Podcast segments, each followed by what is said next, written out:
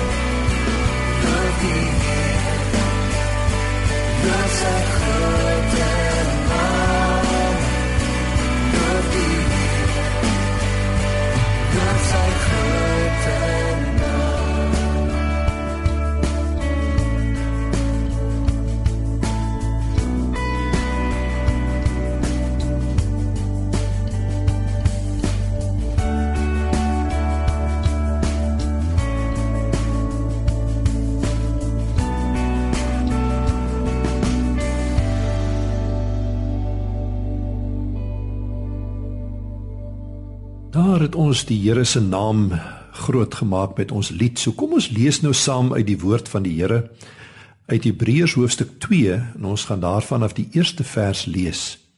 Dit is hoe dit begin. Om hierdie rede moet ons soveel kragtiger vasgryp aan wat ons gehoor het sodat ons nie dalk wegdrywe nie. As die woord wat deur engele gepraat is bindend was en elke oortreding en ongehoorsaamheid regmatig gestraf is, hoe sal ons dan ontkom as ons so 'n groot saligheid verontagsaam het? Hierdie saligheid is immers deur die Here verkondig, deur wie dit sy oorsprong het, en is ons aan ons bevestig deur die wat dit gehoor het. Daarby het God ook saam getuig deur tekens en wonders en ook deur allerlei kragtige dade en gawes van die Heilige Gees, soos hy dit toebedeel het volgens sy wil. Dit is die woord van die Here. Sover lees ons daar. Nou, ons weet as ons by die Hebreërbrief is, dan gaan dit oor twee dinge. In die eerste plek God praat met mense en in die tweede plek luister na wat die Here sê. Moenie ligtelik met sy woord omgaan nie. En dit is dan ook wat ons in hierdie gedeelte wat ons nou gelees het opmerk. As jy nou onthou toe ons begin lees dit in vers 1 van hoofstuk 2, dan begin dit met die woorde om hierdie rede. Nou dit sê dadelik vir jou dat jy moet eintlik nou 'n bietjie teruggaan in hoofstuk 1 in en om te kan reg verstaan wat jy hiermee te maak het, moet jy in die verse vooraf gaan kyk wat daar staan, want dit wat daar staan is hieraan gekoppel. So kyk ons nou terug in hoofstuk 1 in, dan sê dit vir ons God het gepraat baie keer en op baie maniere. Hy het deur profete gepraat. Hy het selfs deur engele gepraat, maar nou kom God deur sy eie seun praat. En die hele eerste hoofstuk is eintlik besig om vir ons te vertel hoeveel groter die seun van God is as al die engele en enige ander een wat gepraat het. Dis die bedoeling van hierdie woorde om die rede. Hy wil eintlik sê as God praat, moet jy dit nie ligtelik opneem nie. Maar die laaste vers van hoofstuk 1 is eintlik ook nog 'n bietjie meer toeligtend want dit gee vir ons nog 'n verdere verstaan van om hierdie rede waarmee hoofstuk 2 begin. As jy nou mooi kyk, hoofstuk 1 vers 14 verwys nou na die engele wat die boodskap uh van die Here moes uitgebring het en dan sê dit is hulle nie almal dienende geeste wat God uitstuur om die te dien wat die saligheid gaan beerf nie die te dien wat die saligheid gaan beerf nie Met ander woorde, dit gaan eintlik oor mense soos ek en jy. Mense wat deur geloof tot saligheid gekom het. Met ander woorde, ons het die saligheid wat in Christus Jesus is beerwe. Nou verder aan in hoofstuk 2 is daar weer 'n verwysing na hierdie mense, maar dan daar in vers 16 word die mense genoem die nageslag van Abraham. Dis met ander woorde mense wat God se woord gehoor het en tot geloof gekom het. Hulle het soos Abraham God se woord geglo. En as jy nou mooi wil verstaan waarvoor is die engele uitgestuur, dan sê vers 10 vir ons eintlik waarvoor. Want dit praat van kinders van God. Uh, dit sê dat God wou baie as sy kinders tot heerlikheid lei. So hy stuur die engele om diensbaar te wees aan hierdie geslag van mense wat die saligheid beerwe. Hierdie mense wat tot geloof gekom het omdat hulle die woord van God geglo het. Hierdie mense wat God sy kinders gemaak het. Dit is wie die engele uitgestuur is om te dien. Kinders van God, die wat die saligheid gaan beerf. Gewone mense soos ek en jy wat tot kinders van God gemaak is. En kom ons maak net eers weer vir onsself dit duidelik. Hoe maak jy mense tot kinders van God? Ek en jy kan nie. Nie een van ons kan iemand 'n kind van God maak nie. God alleen kan dit doen, soos hy in Johannes 1 vers 12 ook sê aan almal wat hom aangeneem het. Dis nou om Christus aangeneem het. Die wat in hom glo, het hy die mag gegee om kinders van God te word. Nou, hoe doen God dit? Hoe maak God iemand sy kind? Eintlik kan ons die vraag vra, hoe maak God, hoe skep God enigiets? En die antwoord is hy doen dit deur sy woord. Hy spreek dinge tot stand. God spreek mense, sondaar mense soos ek en jy tot by die punt waar hulle kinders van God word. Hulle hoor die woord, hulle kom tot geloof in daardie woord en so word hulle kinders van God. Anders gestel, God gee sy woord En God se woord bring mense tot by die plek waar hulle kinders van God is. Nou, God se woord kom tot ons miskien op drie wyse. Ons kan eintlik praat van drie gestaltes. Eerstens is die woord van God is Jesus Christus, die lewende woord. So praat uh, Hebreërs 1 ook van hom. Alles het deur hom ontstaan en daar is nie 'n enkele ding wat bestaan het sonder hom nie. Dit het deur hom tot stand gekom. Hy is die lewende woord. Die Here Jesus is die woord van God. Maar dan 'n tweede gestalte is die Heilige Skrif of die Bybel, die geskrewe woord soos wat ons hom by ons het. Hy lê hier voor my oop. Deur die eeue heen het God vir spesifieke manne gesê: "Skryf neer." skryf my woorde en so het God sy woord gegee en die woord het ook in 'n geskrewe vorm tot ons gekom. So die Bybel is God se woord, maar daar is 'n derde gestalte. En dit is die woord van God wat op menslike lippe uitklink. Dis waarmee ek nou hier besig is. Dit is die verkondigingswoord. Dis die gestalte van die woord waar die gelowiges die liggaam van Christus, die kerk van die Here Jesus met die woord uitbeweeg in die wêreld in en dit bekend maak. Dis die drie gestaltes van die woord.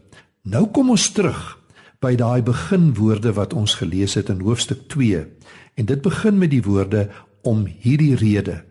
Duiwel eintlik vir ons dan sê omdat God op baie maniere sy woord gegee het En die kragtigste daarvan is deur sy eie seun sy woord gegee het. Om die rede moet ons die woord soveel kragtiger vasgryp. Met ander woorde, ons moet erns maak met die woord. Gryp vas wat jy gehoor het. Dis die implikasie. Gryp vas wat jy gehoor het sodat jy nie wegdrywe in die proses nie. Nie wegdrywe nie. Ek onthou in die 1970s het Paul Simon 'n lied geskryf slip sliding away. En een sin in die lied sê you know the nearer your destination the more you are slip sliding away. Nou ons teks wat ons geleer het spoor ons aan dat ons nie moet wegdryf, wegglip, weggly van God en van sy bedoeling met ons lewens nie. Daar's baie mense wat op hulle pad was in geloof en al eintlik redelik naby hulle bestemming kom en dan laat hulle toe dat hulle ligtelike omgang met die woord of hulle nalatige omgang met die woord toelaat dat hulle wegglip, weggly, dat hulle wegdryf van die woord van God af. So God praat met jou en met my oor die noodsaak om die woord kragtiger vas te gryp. Hoekom? Omdat die woord van God bindend is sê hierdie gedeelte vir ons. Ons het dit nou net gelees. Hoor self wat sê vers 2. As die woord wat deur engele gepraat is bindend was en elke oortreding en ongehoorsaamheid regmatig gestraf is, hoe sal ons dan ontkom as ons so groot saligheid verontagsaam het? Waarvan praat die Hebreërbrief skrywer? God het in die geskiedenis baie keer sy engele gestuur om 'n 'n boodskap te gaan aflewer. Dikwels was dit 'n oordeelsaankondiging, soos toe Sodom en Gomorra as stede vernietig sou word en die engele gestuur is om God se straf aan te kondig. En wat hierdie gedeelte vir ons sê, daardie woord wat die engele afgelewer het, was bindend. Miskien nog 'n voorbeeld is uh, toe God vir Noag opdrag gegee het om met die sondige mensdom in sy geslag te praat en God se boodskap aan hulle bekend te maak en God se oordeelsaankondiging bekend te maak en weer eens die woord wat hy van die Here gekry het om te spreek dit was bindend. Dit was 'n bindende woord. Bindend dit laat my so dink aan 'n hele klompie jare gelede wat ek so begeerte gehad het om die evangelie in gemeenskappe uh, te verkondig waar ek geweet het daar regtige behoefte is aan evangelisasie en die planting van 'n gemeente. En toe het ek besluit ek gaan 'n tent aankoop en ek gaan 'n trok vir die bediening aankoop sodat ons na hierdie gebiede kan ry en die tent opslaan en die evangelie begin verkondig. Daar was nogal mooi voorsiening vir die benodigde fondse, maar ek het nog 'n bedrag kort gekom vir die betaling van die trok En drie Christen sakemanne, goeie vriende van my, het my 'n bedrag voorgeskiet en soos 'n soos betroubare sakemense het hulle 'n ooreenkoms opgestel vir die terugbetaling van die geld en ek moes dit namens die kerk onderteken. En ek het die Here gaan vertrou dat uh, wanneer die betaaldatums kom, ek die geld sou hê om aan hulle terug te betaal. Maar Om watter rede ook al het die datum vir die eerste betaling betaling al nader gekom en die benodigde geld was om een of ander rede net nie daar nie. Op die betaaldatum het my drie vriende my na hulle kantoor toe laat kom en gevra hoe nou gemaak want die betaling moet dan nou geskied. Ek was taamlik verleë want ek kon dit nog nie betaal nie. Ek het nie die vermoë op daardie stadium gehad nie. En my drie vriende het my die dag in liefde en openhartigheid 'n kosbare les geleer. Die ooreenkoms is bindend. Ek het daar weggestap. Die Here het vir ons wonderbaarlik voorsien en ek het my ooreenkoms 'n tydjie later nagekom. Maar dit het vir my diep lesse geleer. Dis wat Hebreërs 2 van praat. Die woord is bindend sê ons skrifgedeelte. Onthou julle toe Jesus die bergpredikasie voltooi het en hy eintlik baie woorde gespreek het tot die mense rondom hom, kom hy aan die einde van sy bergpredikasie in Matteus 7 vers 24 tot 27 en dan sê hy: Elkeen dan wat hierdie woorde van my hoor en dit doen, kan vergelyk word met 'n verstandige man wat sy huis op die rots gebou het. En elkeen wat hierdie woorde van my hoor en dit nie doen nie kan vergelyk word met 'n onverstandige man wat sy huis op die sand gebou het. Jy sien dit gaan hier in die gedeelte oor twee moontlike werkwoorde. Die woord verontagsaam of op 'n ander plek word gesê die woord verwaarloos. Dit beteken dat 'n mens op 'n manier omgaan met die woord dat jy dit gering skat soos die vyf dwaase maagde van wie Jesus vertel in die gelykenis wat nagelaat het om genoeg olie in hulle lampe te gooi. En toe die bruidegom kom, was hulle nie gereed nie. Ek wil vir u sê vandag, ons het die grootste saligheid ontvang en die saligheid is in die woord. Jesus Christus die lewende woord. Maar dan ook verder onderstreep die woord in skrif, die woord in geskrewe vorm soos ons hom hier in die Bybel het. Maar dan ook die woord op die lippe van verkondigers en hulle wat getuienis lewer van die woord. En ek wil vir jou sê as ons dit versmaai of ignoreer, kom hier 'n ontsettende vraag op. Hoe sal jy ontvlug? Hoe sal jou kinders ontkom? Miskien vra iemand wat nou luister, aan wat ontvlug? Aan wat ontkom? Wel, die antwoord is baie duidelik, die bindende straf wat in die woord ter sprake is. Hebreërs 2 vers 2 praat van elke woord wat deur engele gespreek is wat bindend was en elke oortreding en ongehoorsaamheid wat regmatig gestraf is. Die woord van God is bindend. Dis gesagvol. Dit het effek in 'n mens se lewe. Nog so 'n laaste gedagte. Onthou tog God se woord is nie bloot godsdienstige woorde nie. Die Bybel vertel keer op keer vir ons hoe God op 'n wyse homself geopenbaar het aan iemand en dat dit of dit nou 'n verskyning was van die Here in een van sy verskyningsforme of 'n woord wat hy gespreek het, sy openbaring het dikwels gemaak dat mense voor die Here neergeval het, dat mense soos dooies voor hom neergeval het. Wanneer die Here Jesus Christus, die lewende woord, as mens hier tussen ons kom woon en hy deur mense verwerp word vir wat hy sê, dan sê hy ook vir hulle elke oog sal hom sien, selfs die wat hom deursteek het. Wanneer Jesus oor die onverganklikheid van die woord van God praat, dan sê hy selfs die hemel sal soos 'n boekrol toegevou word, maar my woord sal tot in alle ewigheid nie verbygaan nie. En wanneer hy sy disippels uitstuur met sy woord, dan werk hy met hulle saam deur wonders en tekens en kragtige dade om sodoende sy woord aan mense te bevestig. Sal jy nie vandag wanneer jy sy woord hoor op 'n varse nuwe manier God se woord hoor en die Gees dit aan jou hart tuisbring, sal jy nie net daar waar jy is jou knie buig en jou aan die gesag van sy woord onderwerp nie? Sal jy nie met die klank van sy woord wat in hierdie oomblikke in jou ore opklink, sal jy nie vir hom sê, Here, hou aanspreek. Hier is ek, u dienaar, u dienares. Ek luister na wat u sê.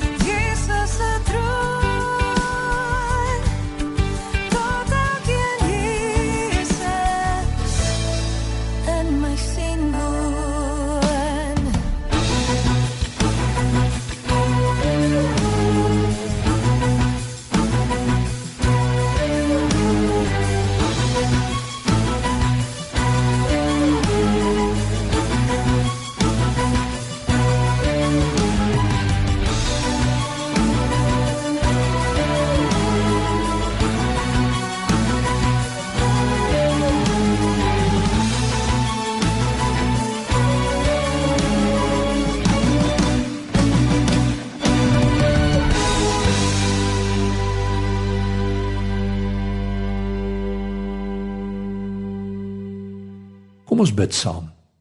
Here baie dankie dat ons u woord in ons harte kan ontvang in hierdie dag. Ons wil vir u dankie sê dat u uself deur u woord geopenbaar het, dat ons u mag ken en dat dit kan strek tot ons redding en ons saligheid. Hoe bid ons Here dat u ons sal help in tye en dae waarin mense ligtelik met u woord omgaan, dat ons u woord sal vasgryp en troetel en in ons harte wegbêre totdat die woord sy impak in ons lewens gekry het. Ons dankie daarvoor in Jesus naam. Amen.